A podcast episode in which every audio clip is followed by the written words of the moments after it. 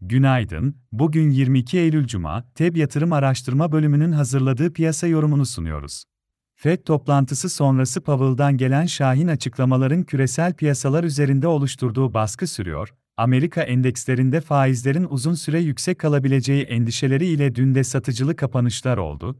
S&P 500 endeksi eksi %1.64, Nasdaq endeksi eksi %1.82 değer kaybetti. Asya ve Avrupa borsaları günü negatif tamamladı. Dolar endeksi ve Amerika tahvil faizlerinde yukarı eğilim devam etti. Bu sabah yurt dışı borsalarda karışık seyir görüyoruz. Japonya Merkez Bankası beklentilere paralel para politikasında bir değişikliğe gitmedi. Ayrıca Japonya'da Ağustos ayında tüketici fiyatları enflasyonu beklentinin hafif üstünde gerçekleşti. Eylül ayı imalat sektörü PMI endeksi ise beklentinden zayıf geldi.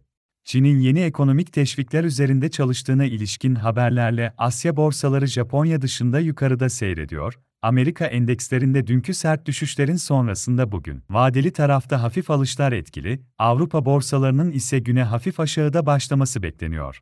Amerika ve Avrupa tarafında bugün imalat sektörü PMI endeksleri açıklanacak. İçeride bugün önemli bir veri akışı bulunmuyor. Borsa İstanbul'da ise hafta ortasında etkili olan satışların sonrasında dün pozitif kapanış oldu. Merkez Bankası toplantısı sonrası güçlenen alışlarla BIST endeksi günü %3.64 yükselişte 8000 seviyesinde tamamladı.